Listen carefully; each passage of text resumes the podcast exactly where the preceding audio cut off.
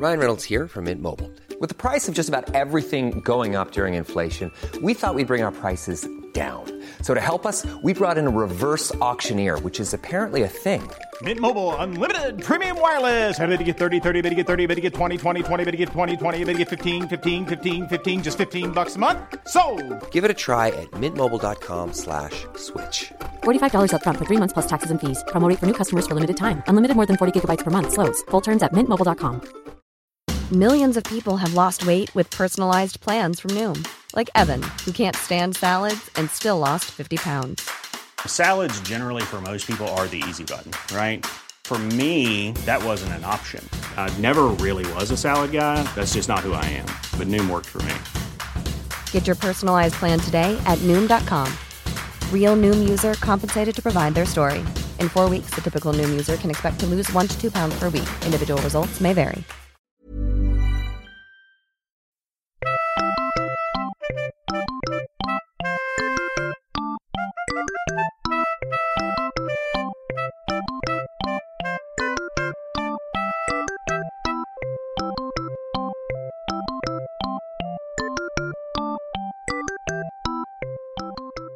Jag har eh, blivit, blivit lite känsligare på gamla dagar. Ja, okej. Ja. Eller så här.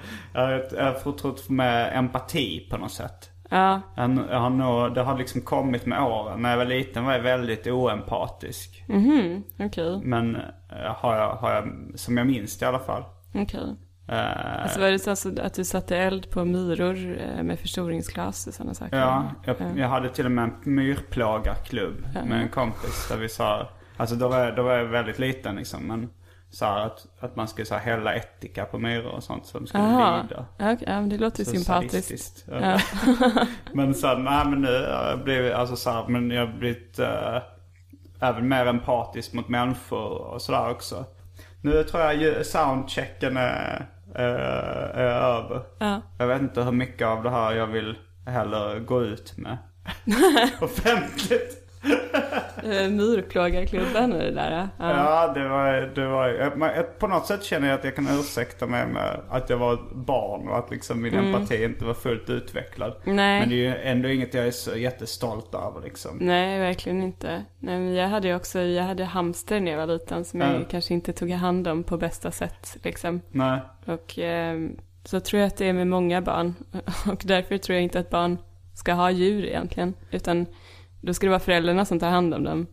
jag. Nej, jag tycker egentligen ingen ska ha djur. Alltså Nej. så här, I min teoretiska djurrättsaktivism. Ja, nej egentligen så är det inte, de får ju inte ett bra liv oftast. Eller de får inte liksom ett fullvärdigt liv Nej. ofta. Hej och välkomna till Arkivsamtal. Eh, jag heter Simon Gärdenfors och dagens gäst är Lisa Eriksson.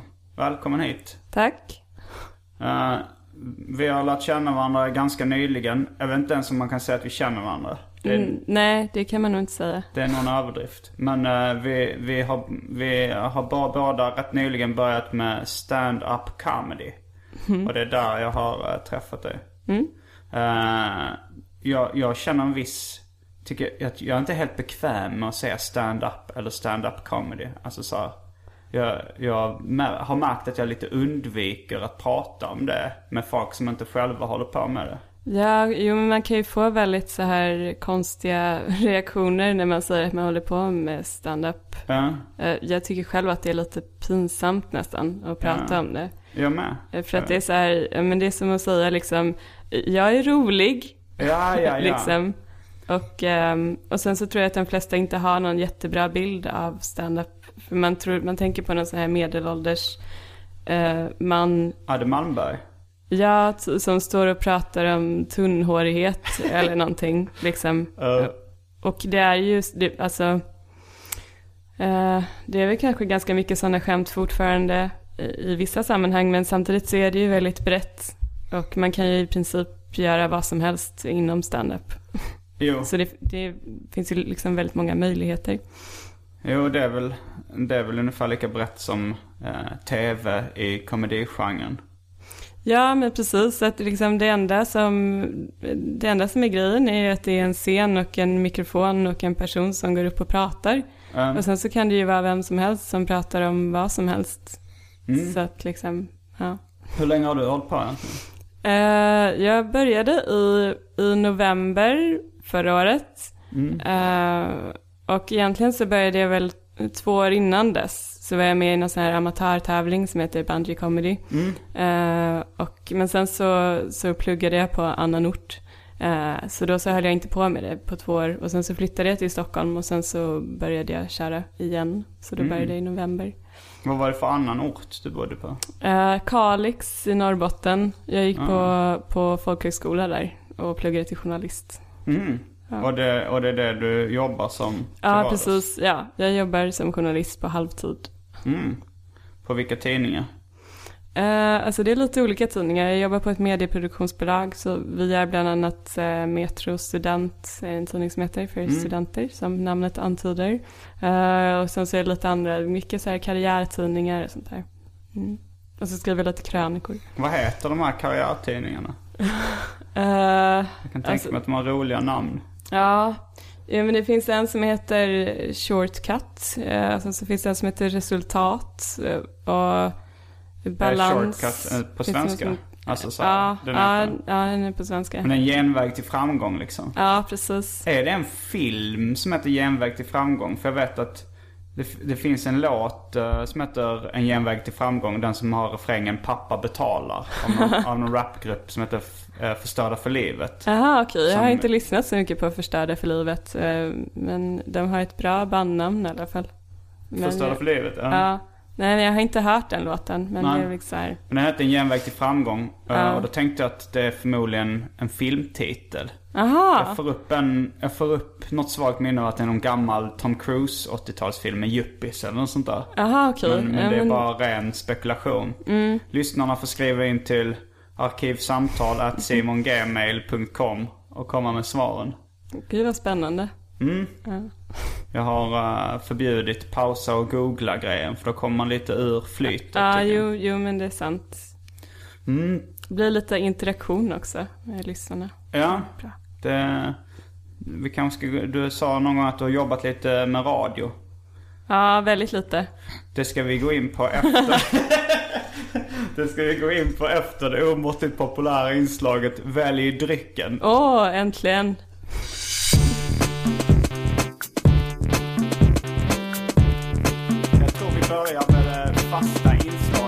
Välj drycken! Mm, du, du har alltså lyssnat lite på eh, Arkivsamtal innan eftersom du eh, sa något igenkännande när jag nämnde Välj drycken. Mm, jo, men det, det är väldigt eh, spännande inslag tycker jag. Mm. Jag ser fram emot det väldigt mycket. Jo, men jag har lyssnat på några avsnitt innan jag kom hit. Jag tror det inslaget är älskat och hatat. Aha, Eller i alla okej. fall, inte, inte hatat men det, det, vissa gillar inte det. Nähä. Men, men jag försökte ta bort Jaha, det de någon tycker gång. att det är oseriöst eller? Nej, jag vet inte. Det är folk som sa, ah, men eh, man vill ju bara höra resten av snacket. Det Mhm. där. Men jag, jag vet inte, jag... Men är inte det ett spänningsmoment att det liksom är olika drycker varje gång? Så. Ja, det, nu är det ju ganska mycket samma som förra, förra veckan.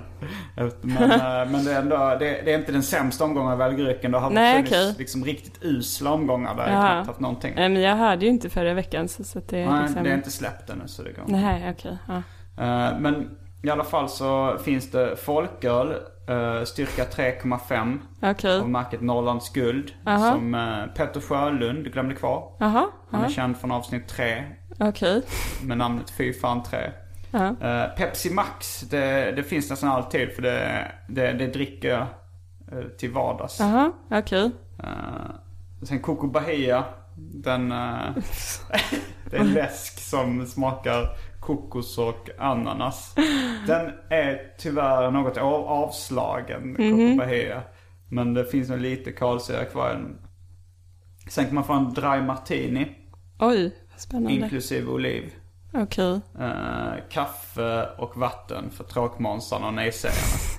Okej, men jag kan ju redan säga nu då att jag vill inte ha kaffe eller vatten. Okej, du, du jobbar med humor hör jag. Ja, eh, nej men kan jag få den där Coco Bahia då? En, en lätt avslagen Coco Bahia. Ja, det är, det är jag sugen på. Eh, och jag har börjat jobba in en vana att dricka en dry martini varje vecka när jag spelar in arkivsamtal. Jaha, så du kommer ta Dry Martini eller? Ja, du kan få både och om du vill. Jaha, vad spännande. Mm. Eh, ja, varför inte? Man lever bara en gång. Kanske. Nu, nu är vi snart tillbaks.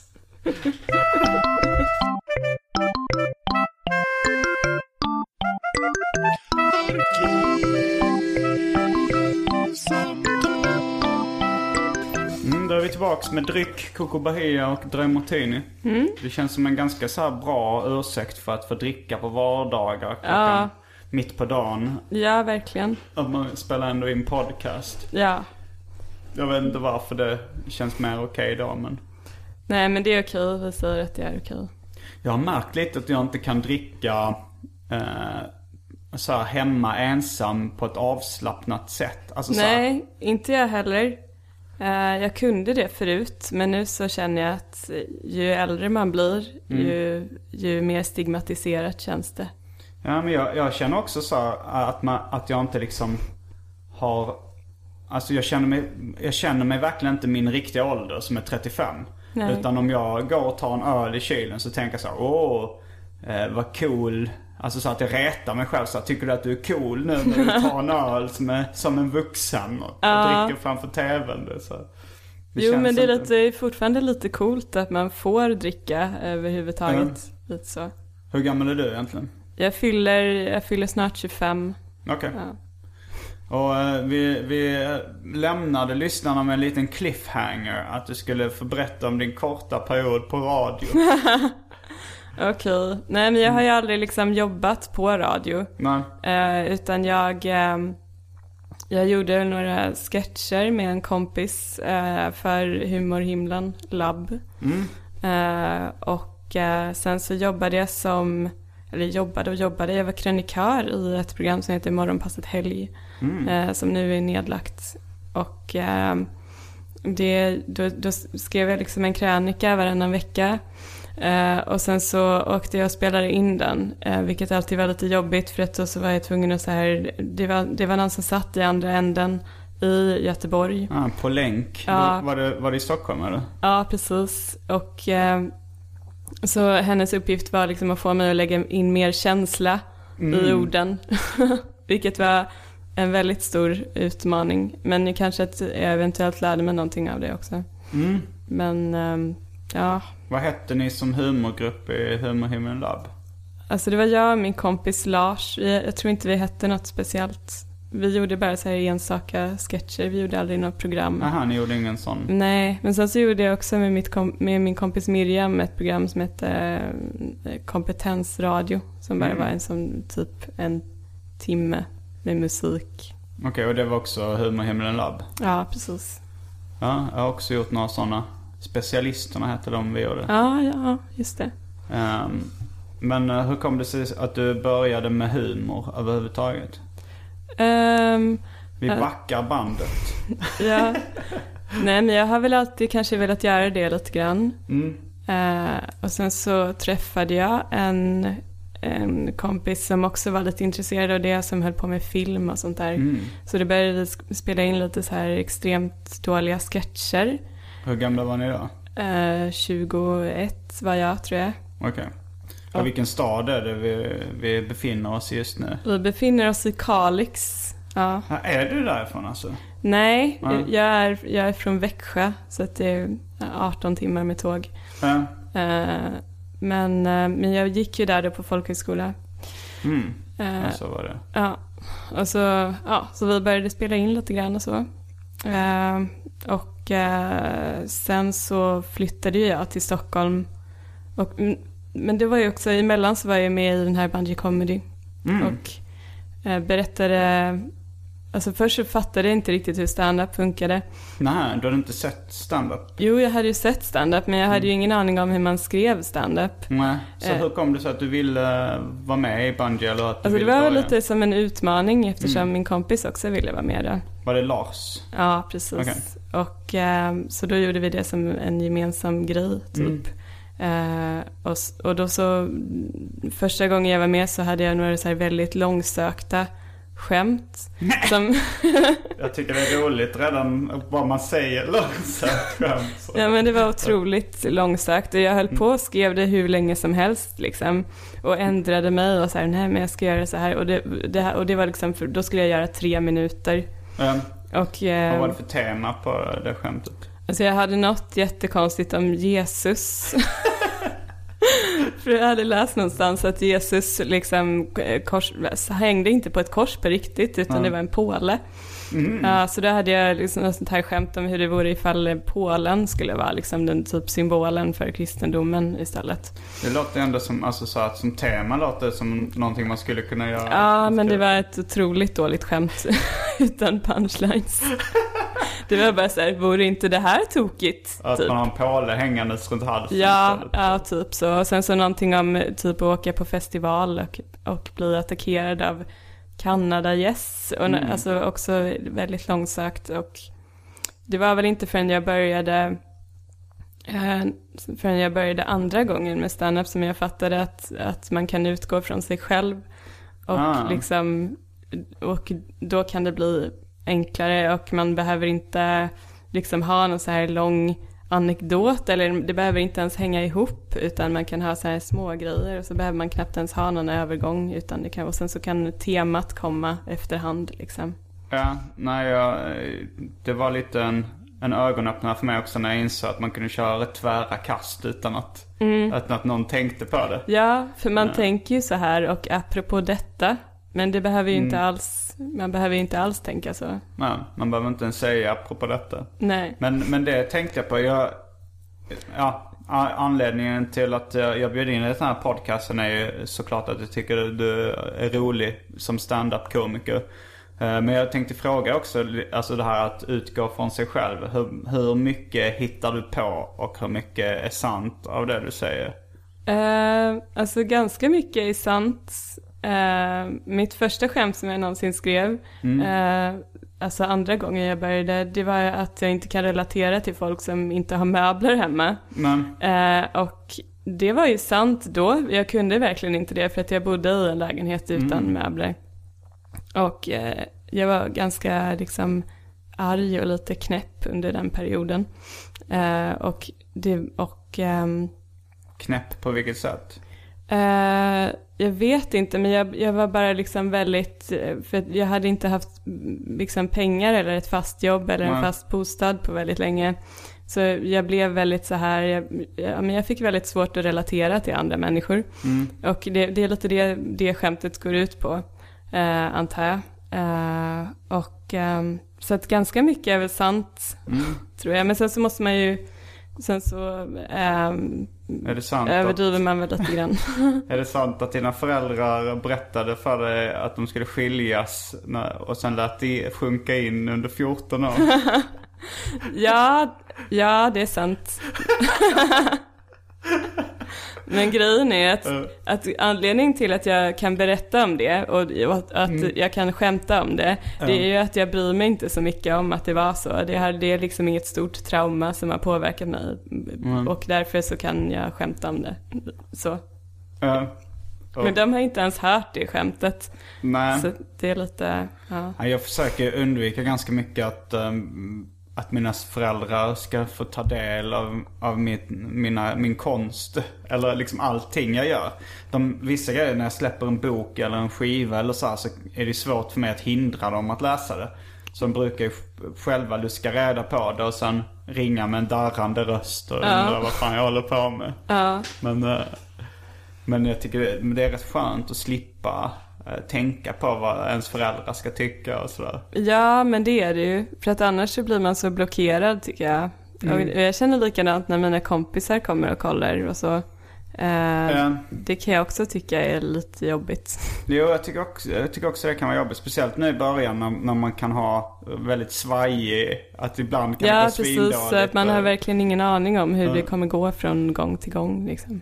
Nej, det är vissa som blir lite besvikna märker jag när, man, när jag säger att jag inte vill att de ska komma. Liksom.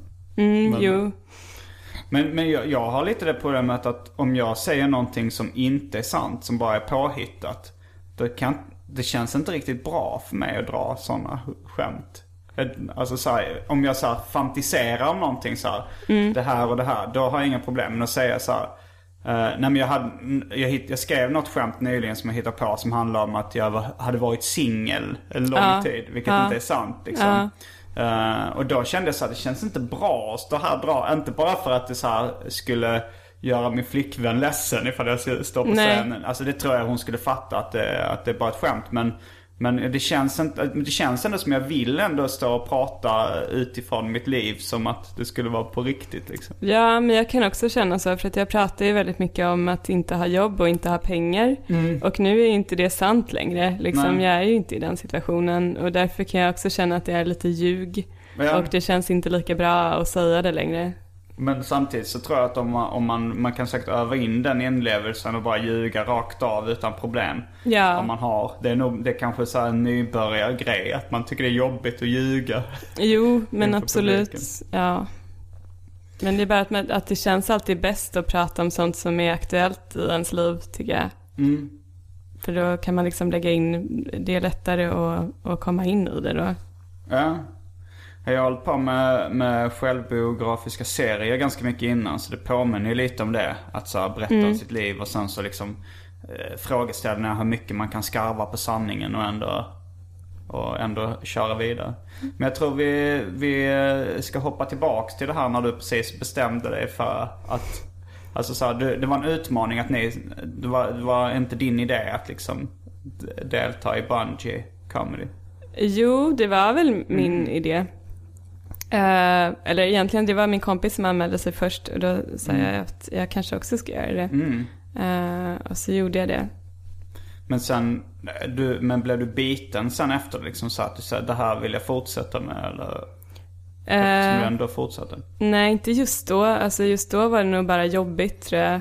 För att först så åkte vi liksom jättelångt till Stockholm. Eh, och sen så var jag extremt nervös. Och sen så gick det inte så jättebra för att jag hade inte så jättebra material. Eh, så att, men det var ju en stor grej bara att stå på scenen och, och liksom testa och göra det. Liksom. Men jag tror inte att jag tänkte att fan vad bra det gick, det här ska jag fortsätta göra. Men Nej. Men hur kom det sig sen att du fortsatte? Ehm, men då var det ju mer som att jag hade någonting att prata om tror jag. Uh, I och med att jag hade liksom eh, eh, I och med att jag hade varit i en period när jag inte hade haft jobb och sådär så t- tänkte jag att ja, men det här kan jag prata om och det är ändå det är liksom meningsfullt på något sätt och jag känner att jag kan skämta om det. Eh, så då var det lite min motivation, bara att prata om, om det liksom. Och prata om det specifika ämnet. Men Eh, bodde du i Stockholm då? Ja, det gjorde jag. Och så då var det ju också, då var det ju betydligt enklare. Och det finns ju ganska många sådana gratisställen som man kan köra på. Så att det var inte, det var bara att gå dit. Så, men du hade ingen kompis då som också körde med stand-up? Som du liksom gick dit och... Nej, inte just då hade jag inte det. Nej. Nej. Nej, men man lär ju känna, alltså så här, man lär känna de andra som är i samma situation på något Ja, sätt. precis. Det blir på något sätt något, något kompisgäng Ja, nästan. ja, Efter precis. ett tag. Och det är väldigt mycket det roliga också, att man får träffa så himla mycket folk. Nej men jag gillar så här, att hamna i subkulturer också liksom. Jag har både gjort det med, med serier och rapmusik. Och nu även liksom eh, stand-up comedy-grejen.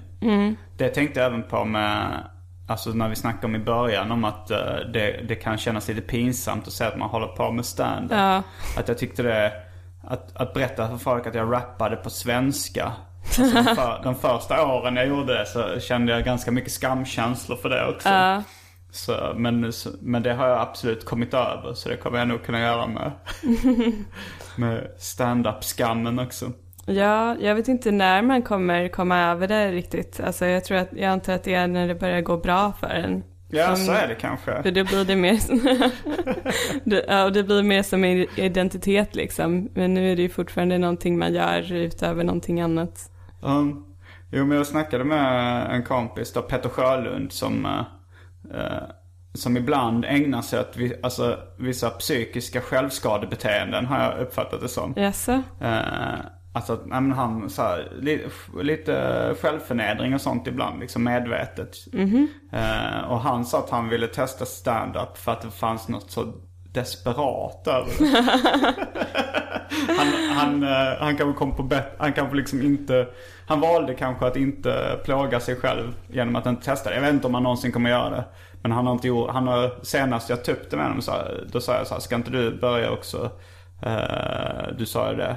Och då sa han att, eh, nej jag var nog full när jag sa det. Men, eh, Ja men det är ju en jättekonstig grej egentligen. Att man går upp där framför totala främlingar och försöker vara rolig. Det är jätte...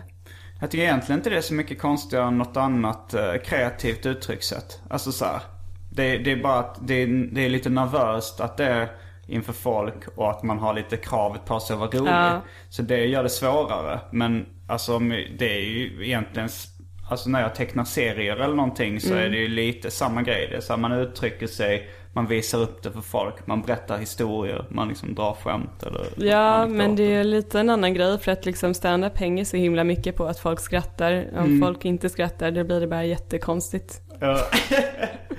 Jo, med serier så kan man ändå eh, köra andra grejer. Och det finns, men det borde ju finnas...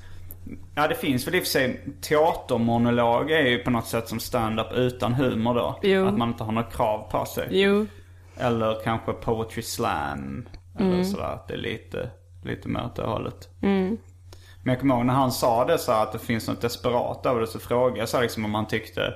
För jag, alltså så här, det är många nybörjare kanske som ge, kan ge ett desperat intryck. Men jag tycker inte så här att Chris Rock eller ger ett speciellt desperat intryck för han är framgångsrik och, Ja, och jo. avslappnad sådär. Så jo men absolut. Men när det blir mer som en yrkesidentitet då är det ju inte riktigt så liksom, som det är i början. Att man bara liksom verkligen, eh, verkligen vill få, vill att folk ska liksom skratta. Men när, när man har kommit så långt då vet man ju att folk kommer skratta. Så då är det väl inte lika mycket desperation av det.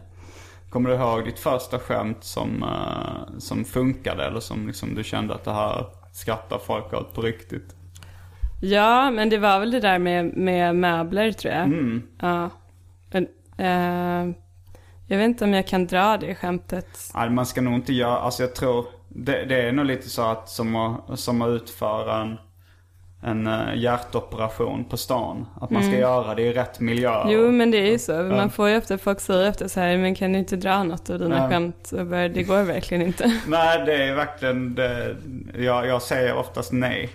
Men igår så var jag på, på Big Ben och kollade på, eh, jag är lite kompis med Simon Svensson som uppträdde där igår. Jaha, okej. Eh, och då så, så kom ägaren fram, för jag hade uppträtt där i söndags. Och, det, och det har gått riktigt uselt för mig på Big Ben de två första gångerna jag körde där. Men nu så i söndags gjorde jag ett, ett, eh, hyfsat bra gig där liksom. Det var många som skrattade. Men, eh, men då så var det så att jag, mina kompisar och så har jag inte berättat så mycket för om vad jag drar. Nej, Skämt eller så, här. nej. så kom ägaren fram och sa, ah men fan det gick rätt bra för dig i söndags. Så här. Du, det märks att du har övat mycket och så här, du Ja. kan kontakta mig så får du köra lite, lite oftare. Och så sa, så sa han så jag gillade det där skämtet du drog. Och så tog han upp ett skämt. så hade han, då var jag tvungen så också att, att liksom berätta det som ett skämt. För Det, det har inte riktigt liksom strukturen av en Bellman-historia. Nej, Inte för att man kanske skulle riva hem så mycket skratt med en Bellman-historia i vuxen ålder. Men, nej. Nej, men jag förstår vad du menar. Eh, jag tycker också det är svårt när folk frågar vad man skämtar om. Ja, ja. För jag kan inte riktigt säga vad jag skämtar om, liksom. Nej, jag brukar, jag brukar nog, det har folk frågat också, jag brukar säga bara att eh, jag, nu- jag vill inte berätta det.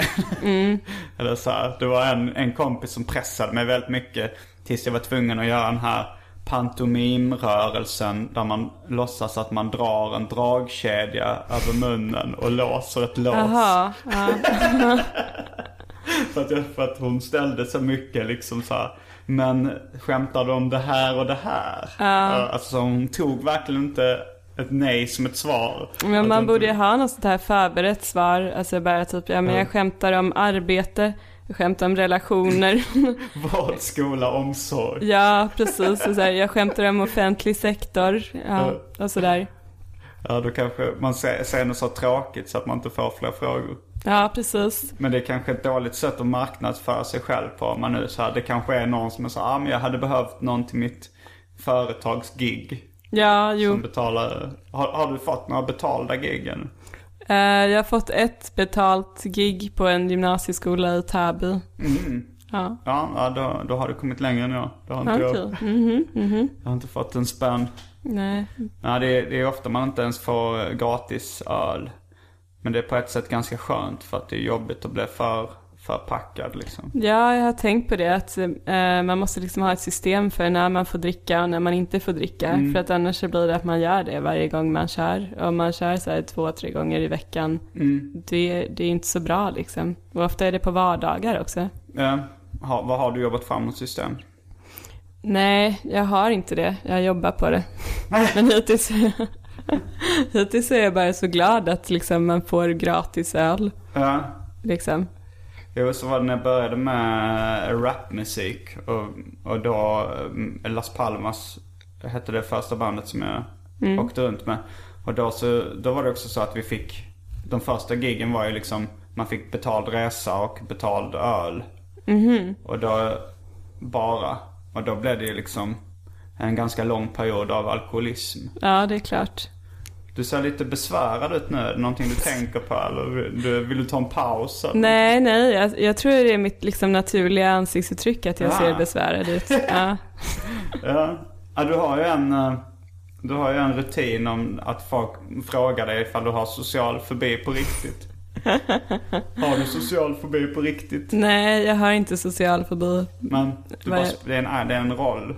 Ja, det är en, det är en roll väldigt mycket baserad på verkligheten. Men, Okej. men jag är inte så extrem som jag är på scen kanske. Nej, då, men jag menar har man social fobi så det är lite motsägelsefullt. Då hade man nog inte ställt sig på scenen sådär, eller? Nej, jo men det hade man kanske. För att jag menar när man står på scenen, det är ändå en kontrollerad situation. Ja. Liksom, då har man ju förberett allting som man ska säga. Och man vet ungefär vad som kommer att hända. Men jag menar, om man är ute i världen och pratar med folk, då kan det ju hända vad som helst. Men på scen så finns det ju liksom ett begränsat antal saker som kan hända. Men vad, är det, men, vad är det du berättar om ofta så att du alltså på i din standup-grej att du har en, en känslomässig överkänslighet eller någonting liknande? är, det, är det baserat på verkligen du säger? Eller att läkaren sa, eller så psykologen sa att du hade någonting? Aha. Eh, nej, jag vet inte, men det väl bara, det är väl det som ligger, eh, om man, man måste ju på något sätt ha en personlighet på scenen. Och d- det är väl någonting som ligger ganska nära. Alltså det ligger ju närmare än om jag skulle liksom hålla på så här, hej allihopa, och, och vara så här jätteenergisk. Ehm, Så då, så då får jag väl spela lite på det istället. ja, ja, att man överdriver. Jo, Ja. alltså så här, det har jag märkt, det, det kanske kommer naturligt för mig att jag, alltså så här, även när jag tecknar serier eller något sånt så kanske jag överdriver vissa, serier, vissa sidor hos mig själv. Ja, Och alltså så då har jag nog eh, överdrivit sidan att jag är ett rövhål liksom. okej. ja, jo. Och det kanske, jag vet inte, jag har inte tänkt så mycket på det i min standup-grej men att men, eh, men jag har väl vissa sådana, alltså så här, vissa sådana drag. Att jag kan vara lite okänslig mot folk ibland. Mhm, okej. Eh, men eh, men, det, men det, det har jag nog det har jag nog bättrat mig lite. Men det, men det blir ju mer en komisk effekt när man, när man fokuserar på sina dåliga sidor istället för sina bra sidor. Ja, jo, Det- verkligen. Nej men så här att med rövhål menar jag väl då att, liksom, att jag kan vara ganska skrytsam och egocentrisk och, och sådär kanske. Okej, men det är ganska, det är ganska roligt. Eh, men eh, jag vet inte heller. Det, det här, ibland så kan jag känna också att alltså, jag spelar in mig själv. Eh, och så hör jag efteråt att jag låter lite för, så här, nästan lite aggressiv. Lite hotfull liksom. Att det, det tycker jag inte känns, alltså så här, det försöker jag lite jobba bort. Att jag vill nog ha en lite mer inbjudande ton. Mhm. Jag tror det är en rapskada liksom. För att som Ah, ja. rappare så, så ska man så låta lite hård ibland och lite Ja. cool. Så, här, så att, eh, Ja, men jag tycker inte du har låtit sådär jätteaggressiv hittills i alla fall. Så Nej. det är bra. Ja, jag fick, det var någon, uh, Anders Selin, en, uh, som Ja. jag har gått en, en endagskurs i stand-up hos. Ah, är det sant? Ja. Vad roligt. Han, han eh, kommenterade på det att jag kanske lät lite väl aggressiv mina tidiga, tidiga gig. Men, men det, var, det var nog de första gångerna innan, innan du såg mig. Så Mm. jag, har, jag har nog liksom bättrat på det lite. Mm, jo, men det, det tycker jag. Alltså i och för sig vissa gör ju, sin, gör ju en grej av det också. Att stå och skrika och, och skälla ut publiken. Och liksom Jo, bli men arg, alltså så. det är ganska tacksamt att ha någon sån där grundkänsla. Mm. Alltså typ jag är osäker eller jag är arg Mm. eller jag är förvirrad eller något sånt där när man går upp. Men har du någon sån här liksom eh, ambition att du ska köra två, tre gånger i veckan nu? Eller har det Ja. bara blivit så? Alltså det har väl lite blivit så. Men nu på sommaren så kör jag konsekvent två gånger i veckan. Mm. Eh, och sen så, ja, och det, blir, det brukar väl oftast vara så här två, tre gånger i veckan och det är väl ganska lagom tror Mm. jag. Jo det är det ju. Det tycker jag också. Men, men eh, vilka, vilka stand-up-komiker gillar du? Alltså så har du förebilder eller favoriter eller något sånt? Eh, jag gillar en som heter Maria Bamford jättemycket. Men jag har inte sett henne. Jag tror jag antecknade någon gång att jag skulle... Ja just det, jag har säkert sagt det till dig. Mm. Eh, hon är jätte, jätterolig. Och hon, eh, hon är väldigt bra på att imitera. Är hon Vilket- amerikaner? Ja. Eh, vilket jag inte kan alls och jag tror att det är ganska ovanligt att man kan det. Jag kan bara imitera Sven Melander. Får man höra? Ja, det är den här dialekten. Det börjar lite med att imitera min eh, släkting Fred Allan Gordon som låter så. Sen bara märkte jag att de har samma dialekt som Sven Melander. Det var den. Eh, Det är ganska likt faktiskt. Jag har inte sett Sven Melander på jättelänge men jag får så här flashbacks. Nej, det blir en ganska smal referens för, för dagens 20-åringar kanske. Ja, alltså, jo. De, de, eh, det, Men jag kommer ihåg honom från tv. Han hade det här, vad heter det, Steve med Lloydan eller vad det hette. ja, det, det var en, hans stand-up-karaktär. Mm. Alltså jag minns honom nog mest från Sällskapsresan 1. Jaha. Typ när han var den här alkisen så här, Ja, man var ju nykter i morse men nu börjar det ordna upp sig. Om det. du minns den. Ja, just det. Eh, Ja. Men, eh, ja, jag, jag snodde faktiskt, alltså så här, Jag har en släkting som heter Fred Allan Gordon som jag pratat mycket om i den här podcasten. Okej, vilket fantastiskt namn. Ja, ja, det var någon, nu har han flyttat till USA och det var någon som frågade, använder han sina initialer ofta där? Som då är F-A-G. Ah, Eh, ah. men, men han har faktiskt bytt, han, han går under namnet bara Alan Gordon i USA nu. Okej. Jag tror nog jag ska bjuda in honom som gäst i podcasten någon gång. Vad är speciellt med honom då? Förutom Förutom att han pratar med som Sven Melander. Ja. Han är ganska, han är lite smått excentrisk liksom. Och lite... Eh, men, eh, men grejen är att när jag var nere, det är min mammas kusin. Och när jag var nere i Malmö sist så, eh, så berättade min mamma att hon hade varit på, eh, de, hon hade varit i Polen på någon sån här Titta på koncentrationsläger och uh, judisk resa av något slag. Eh, och då, så hade, då hade Fred Allan Gordon varit med. Okej. Eh, och, och då så hade hon så, så tyckte hon så här, de, och de hade haft någon grej i, i bussen där folk fick dra roliga historier eller så här, prata i, i Dra bussen. roliga historier. Ja, Okej. Och då, och då så drog eh, Fred Allan Gordon en anekdot om sin penis. Eh, Oj. som min mamma spelade in i smyg på sin mobiltelefon. Hon tänkte, för hon sa så här, "Men det lät precis som när du härmar honom Simon. Så, eh, så då spelade hon in honom. Och då, då när, eh, så gav hon mig mobilen så jag fick lyssna på det. Jag tyckte det var rätt kul. Ja. Eh, och då så i smyg så, så e-mailade jag det klippet till mig själv. För jag tänkte att jag skulle spela upp det i podcasten. Eftersom det är många lyssnare som har, har liksom prat, skrivit in och frågat mer och vill höra mer om Gordon. så, eh, så det klippet kommer här. Ah gården. Det var alltid han som bestämde. Och eh, när vi då lekte följa John, sådär tio killar, så var det alltid han som var John. Och hoppade han upp i ett träd så skulle vi andra hoppa upp på ett träd. Och hoppade han upp på planket så skulle vi andra hoppa upp på planket. Så en dag så sa Lasse, ja nu, nu ska vi alla stå här i en ring va. Ja. Ja, så ska alla visa pitten. Aldrig. Och jag var sex år gammal. Jag tänkte det här kommer ju gå åt helvete alltså. Och alla tar fram sin pitt i den här ringen. Och jag tvekar. Tjena, du måste ta fram pitten! För fan alla! Och jag med darrande hand tar fram den. Kolla, kolla Allan! Sån bubbla han har! Han har sån bubbla, han är inte klok! Och jag bara sprang där, det var riktiga livet. Om ni undrar vad, det- vad det är han, han pratar om varför, med sin penis så tror jag det är omskärelsen. Som gör att hans, hans barnpenis ser ut som något av en bubbla eller vad det är han säger. Eh, det, vi, vi, jag lyssn, vi lyssnar inte på klippet nu. Ska vi, ska vi göra det så även du får höra det om du vill komma med någon kommentar? Ja, absolut.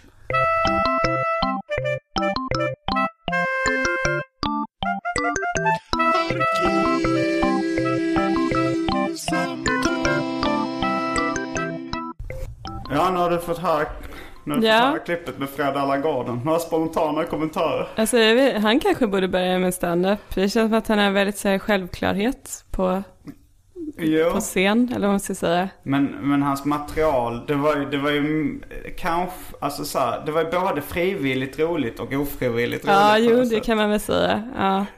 Men, men eh, jo, men det hade han säkert uh, kunnat tänka sig om han hade, jag vet inte. Han, Vad han, gör han då? Vad jobbar Han han? är, han är utbildad läkare, men nu jobbar han nog på ett läkemedelsföretag. Jaha. Så han, han drar nog in ganska mycket stålar. Ja, okej. Ja, men då ska man inte hålla på med stand-up. Då ska man ju vara läkare istället. Eller så, jaha, för du tänker på samhällsnyttan eller? Ja, nej men också på att tjäna pengar. Ja, men, men jag, jag tänkte mer så att om han nu har tjänat ihop så mycket pengar så borde han ju kunna Ja, han bara kan ju här göra, han kan göra vad han vill sig. liksom. Han är ju säkert liksom i 60-årsåldern eller någonting Jaha, ja. Jo men då är det ju på ålderns höst, det är ju perfekt. Ehm, Det är väl förmodligen därför han pratar som Sven Melander också eftersom de är säkert samma generation ungefär och Ja. kanske från samma, Okej. om, jag vet inte om de är från samma område i Malmö eller. Mm. Jag, vet, jag kan inte så mycket om Sven Melander. Nej, inte jag heller. Det är, det är en skam faktiskt. Eh, Det var en kompis, Jocke Boberg, som nog kommer att kunna vara gäst i podcasten någon gång. Han, han gillar väldigt mycket så alternativa underhållare liksom från, ja men Johnny Bode om du vet vem det är. Nej, ingen aning. Det är en, eh, en gammal skandal om susad gubbe liksom som är död för länge sedan men som gjorde en massa snuskiga visor och sådär. Okej. Men han kan väldigt mycket obskyra artister och sådär. Och då frågade han vilka är dina favoriter? Och då sa han så att hans favoriter var Sven Melander och Lasse Åberg. Vilka, vilka är rätt mainstream. Men det var Ja, han alltså det är verkligen inte vad jag skulle kalla för obskyrt. Nej, nej, för han hade aldrig nämnt dem innan. Alltså alla grejerna han tar upp är sådana, alltså som, som jag inte hade hört talas om. Ganska mycket så här. Ja. nej men, nu kommer jag inte ihåg namnen. De får vi ta upp i det avsnittet där han är med och ska Ja. presentera det. Men sen visar han upp något klipp med, med Sven Melander där han, där han går på en gräsmatta. Och refererar och tycker det är så värsta grejen att de har skaffat grön asfalt. Men då tyvärr så kör han inte sin skånska, sin vanliga dialekt. Utan han kör någon slags Stockholmsimitation. Jaha, gud Wow, grön asfalt! Ja, vad sjukt. Men det kanske, det kanske skulle vara liksom en parodi på då stabbon. Alltså stadsbon. Ja. Som tänker att gräs är grön asfalt. Mhm, ja, just det. Ja. Det skulle vara lite så. Okej, men vad gör han nu för tiden? Sven Melander? Ja. Eh, jag läste en intervju med honom i Södermalmsnytt eller något sånt liknande. Jag tror han är med i några, några så här kanske teaterpjäser eller så här lite, lite halvbuskis. Mm. Alltså sådana som man ser utanför uh, Göta Lejon och sånt. Ja, tycker jag man brukar ja, se lite så avdankade skådisar. Ja. Men, eh, men han är väl rätt gammal också. Han är väl halv, halvt med pensionär. Han, jag kommer fan men han fyllde, jag vet inte om det var 60 eller 70 eh, nyligen. Det var, det var en kompis som, som skulle göra någon sån grej till Humorhimlen Lab eller något sånt där, Cassandra. Eh, och då så, då så skulle hon spela in lite olika kompisar. Så frågade hon mig så här, kan inte du göra din Sven Melander-imitation i mitt radioprogram? Så sa jag okej. Men jag hade inte så mycket tid, och, för hon skulle komma dit. Jag hade inte så mycket tid att förbereda mig. Eller jag var ute i rätt dålig tid. Så var så här, vad ska, vad ska, jag vad ska jag se prata om liksom? Så då googlade jag Sven Melander. Och så, ja vad har han på gång? Så här, ja men han skulle snart fylla 60 eller något sånt där. Så pratade jag lite om det. Att, Ja. att jag skulle vara Sven Melander. Men sen när hon lämnade in det till sin producent så var det så här. Så sa producenten att vad är, vad är, vad är det för kul med det här? Du har intervjuat Sven Melander. Så jag hade alltså gjort det så bra att hon trodde det var den Men riktiga Sven gud, Melander. gud vilken komplimang. Men samtidigt så misslyckades jag med att vara rolig. Ja, Det blev bara en korrekt Sven Melander-imitation. aha, ja. Men alltså det verkar vara en sån grej som komiker gör överhuvudtaget när de blir äldre, att de börjar göra revyer och sånt där. Och det, det, alltså det har jag tänkt på på Ulla Skog också. Hon, henne skulle man ju vilja se på tv jättemycket. Men, Men jag har ingen aning om vad hon gör för någonting. Men jag antar att hon håller på, jag tror att hon håller på med teater och sånt där. men hon var med i Lorry va? Ja, just det. Men för jag såg det nyligen för Anton som jag har gjort de här radioprogrammen med det. Han, hans största förebild är Lorry. Men eh, jag kunde, alltså så han, han lånade ut sin DVD till mig och jag försökte se det men jag tyckte inte det var bra. Alltså, det var nog för att jag inte såg det så mycket när jag var liten. Nej. Och då har jag ingen relation till Jag har det. inte sett så mycket Lorry, jag- men jag har sett Yrrol däremot. Mm, den har jag sett den, också. Den är ju fantastisk. Ja den tyckte jag var ganska kul. Men, eh, men han tyckte alltså att det är tv-serier man ska se, det är bättre än filmen och så. Mm. Men vad, vilka så här humorprogram uppskattade du när du var liten? Alltså Nile City, jättemycket. Mm. Det var ju det man kollade på liksom. Ja, jag var inne i någon så här, jag hade lite, eh, alltså så här, lite underground-komplex under den perioden. Så jag ville inte se sånt som var så för mainstream och som alla andra Nej, kollade på. okej. Så jag Men jag var ju sex år då, så Ja. jag var liksom ingen finsmakare. Nej. Nej men det tyckte jag var väldigt bra. Mm. Och ehm, vad kollade man mer på? Kollade du på en himla många program? Alltså Galenskaparna, After Shave. Nej, det såg jag aldrig. Det var nog, det var nog liksom när jag var i rätt ålder så här, när jag kanske var 12 eller någonting och tyckte det var Mm. fantastiskt kul. Men mycket brittiska serier, typ helt hysteriskt och sånt där. Är det de två tanterna? Ja, ja precis. Ja, Det, det har jag sett i vuxen ålder men jag hade ingen heller relation. Mm. Nej, men det kollade jag på när jag var liten. Det tyckte jag jättemycket om. Vad är de? Patty och någonting? Patsy och Edine. Um, Men ehm, ja, alltså kommer Be- Benny Hill var stort när jag var liten. Okej. Har, har du sett det? Nej. Det var en sån en skallig snusgubbe som sprang runt mycket i dubbel hastighet. Okej. Ja. Den här melodin. Du, du, du, diddly, diddly, du. Jackety Sax av Boots Randolph hette den melodin. Jaha. Jag känner ju igen liksom namnet, men jag kollade aldrig på det. Men Nej. jag har, jag har rätt dålig koll på vilka humorprogram som går på tv idag. Ja, jag också verkligen. Men kollar du på någon, alltså så här, nu, jag laddar ju ner lite så här, kollar så här humorserier nu, kollar jag på det här Louis, Louis CK's Ja, tv-serie just det. Louis. Ja. Ser du, följer du någon humorserie för tillfället? Uh, alltså jag kollade på Mindy Project i höstas med Mindy Kaling som jag tycker är jätterolig. Är hon asiat? Uh, ja, eh, hon är indier. Eller hennes föräldrar är från Indien. Ja, det, man, jag, man tänker inte direkt Asien när man har Indien. Nej, fast det ligger ju i Asien. Det gör ju det, men tänk Saddam Hussein, tänker du asiat? Nej. Nej. Men det, Asien är ju väldigt stort Mm, liksom. det är det. Ja. Judar är ju, alltså israeler är asiater också. Mm, ja, det tänker man inte på. Nej. Nej. Men vad handlar Mindy Project om? Det har jag faktiskt aldrig... Jag, Eh. tror, jag bara känner igen det namnet att det finns någon ganska så poppis asiatisk amerikansk komiker. Mm. Fast det var indisk då. Nej det var inte samma jag tänkte på. Nej, okej. Mm. Men Nej, vad- men det är väl en klassisk eh, romantisk komedi egentligen, fast i serieformat liksom. Ja. Eh, och väldigt, ehm, väldigt roligt skriven. Hon är fantastiskt bra på att skriva manus tycker jag. Nej hon ståuppar också eller? Nej, hon har ståuppat jättelite men mest så har hon ju varit manusförfattare på amerikanska The Office bland annat. Som jag inte har sett tyvärr. Eh, Ja, jag har sett det lite. ja, Men jag kollar på den New Girl ganska mycket också. Ja, just det. Det var överraskande bra tycker jag. Ja, det, det är ganska bra. Det, Mm. jag, nu har jag nästan sett klart första säsongen. Det är, så här, det, det är ganska kul. Men ja, Mm. det, det, det, är inte min favorit. Nej, men jag tycker ändå man blir lite glad av att kolla på det. Ja. Och sen så gillar jag Peep Show väldigt mycket. Som är, det är en brittisk serie. Ja, eh, med David Mitchell och. Robert Webb. Mm. Och den är fantastiskt rolig. Ehm, och Grandmas House med Simon Amstell. Är det också en serie? Ja, Brittisk? ja. Jag, alltså jag har lite, lite problem med, med brittisk engelska. Att jag förstår inte det lika bra som eh, amerikansk engelska. Oj, är det så? Ja, men jag har vuxit upp ganska mycket med amerikanska tv-serier och sådär. Och, och lärt mig liksom tonfall och sånt i amerikanskan. Så vissa liksom skämt och sånt går mig förbi. Alltså så om någon, alltså, alltså om man ska vara lite sarkastisk i rösten eller något sånt. Då förstår inte jag riktigt det på brittisk engelska. Så här, för det finns, för jag har inte lärt mig alla nyanser där. Jaha.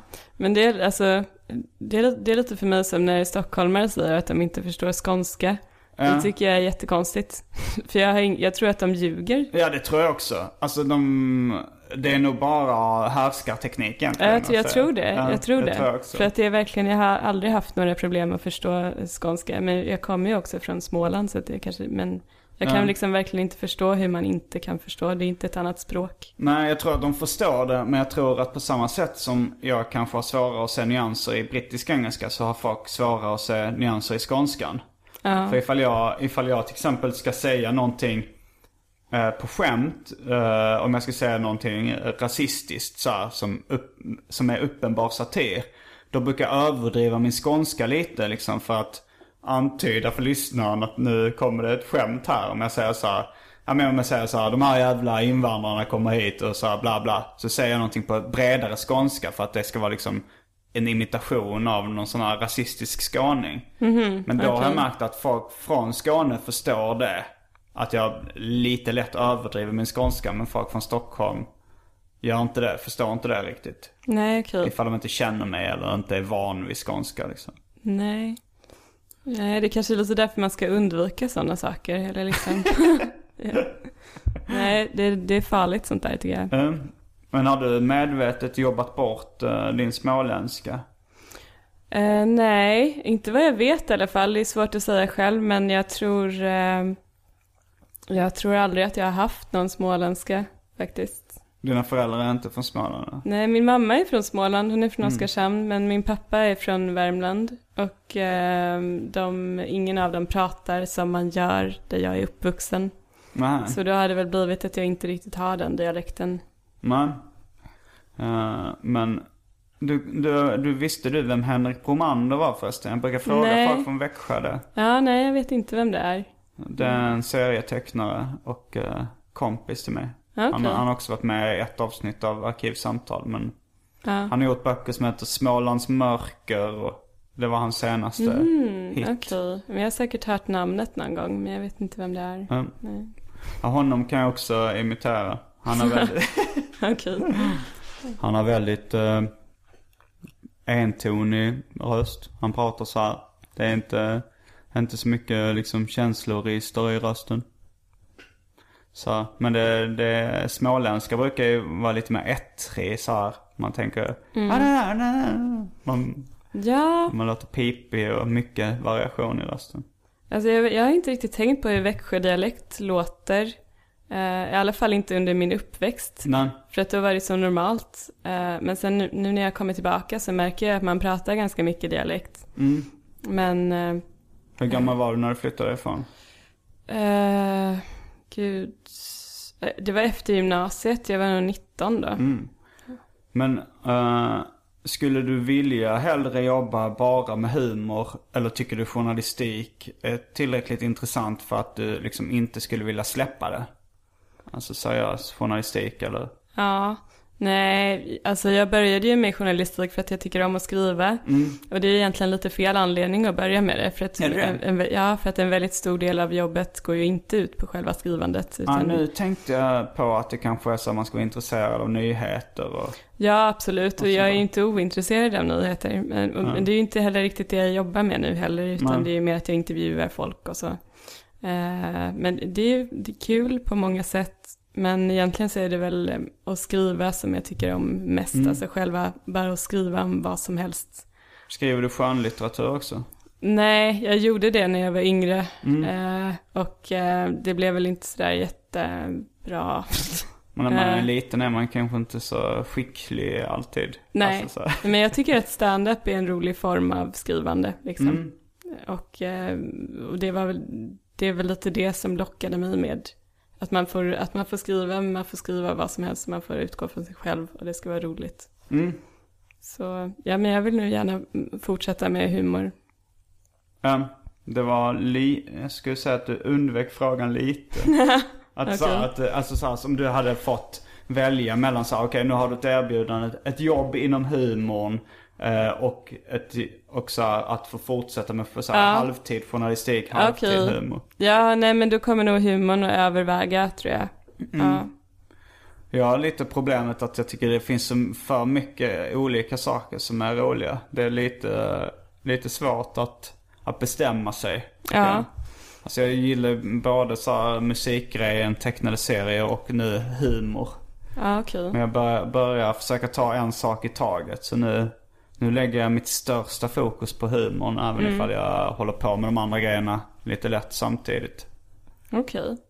Ja, men det är väl liksom, det är väl lite, väldigt mycket olika perioder också, vad man tycker är intressant. Så just nu kanske det är humorn som är intressant.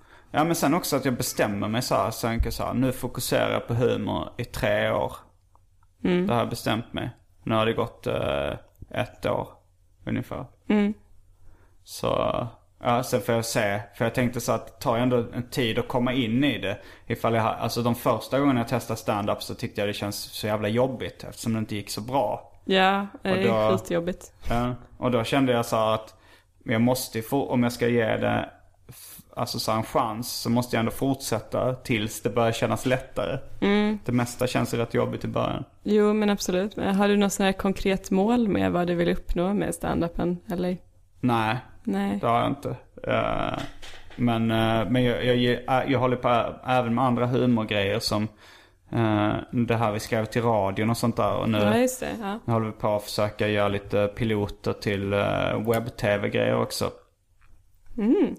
Ehm, men, så det, men då, skriv, då skrev jag lite sitcom-grejer till radion den senaste säsongen av Specialisterna. Ja. Och det tyckte jag var svinkul.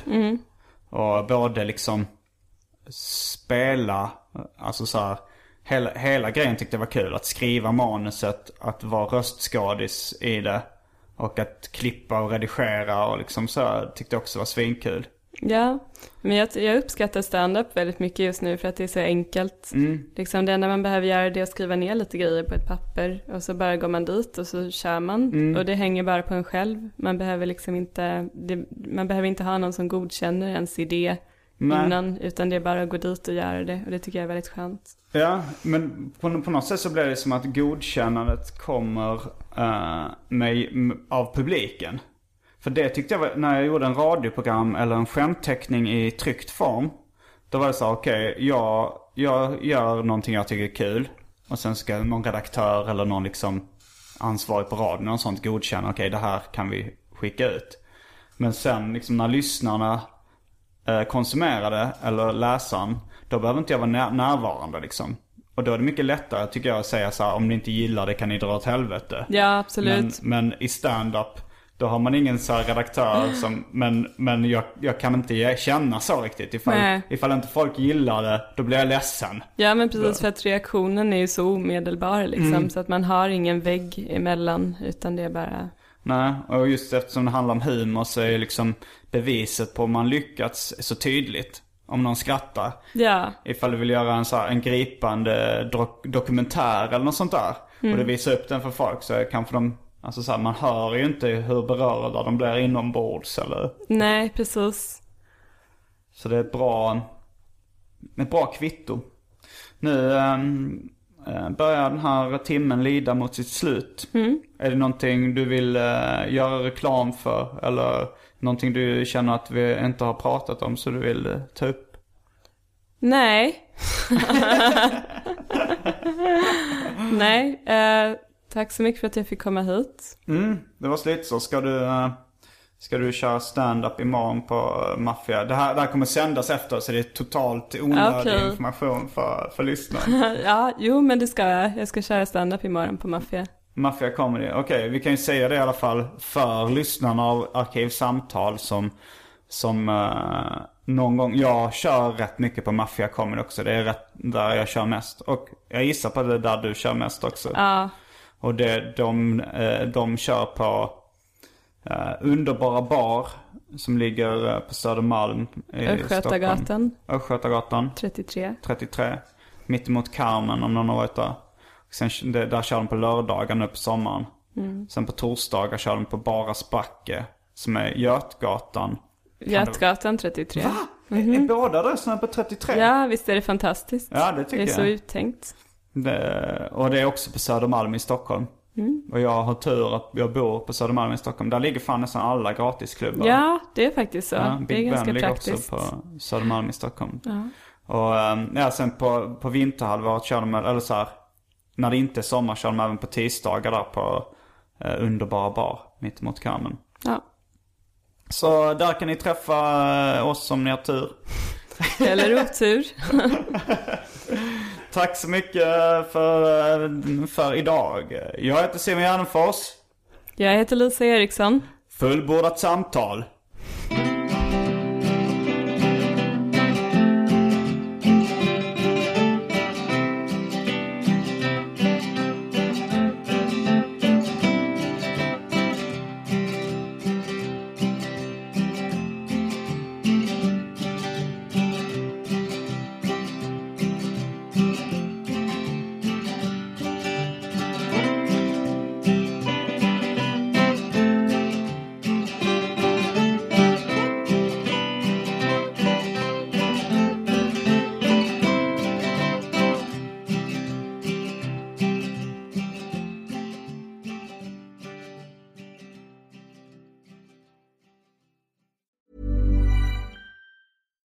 Catch yourself eating the same flavorless dinner three days in a row?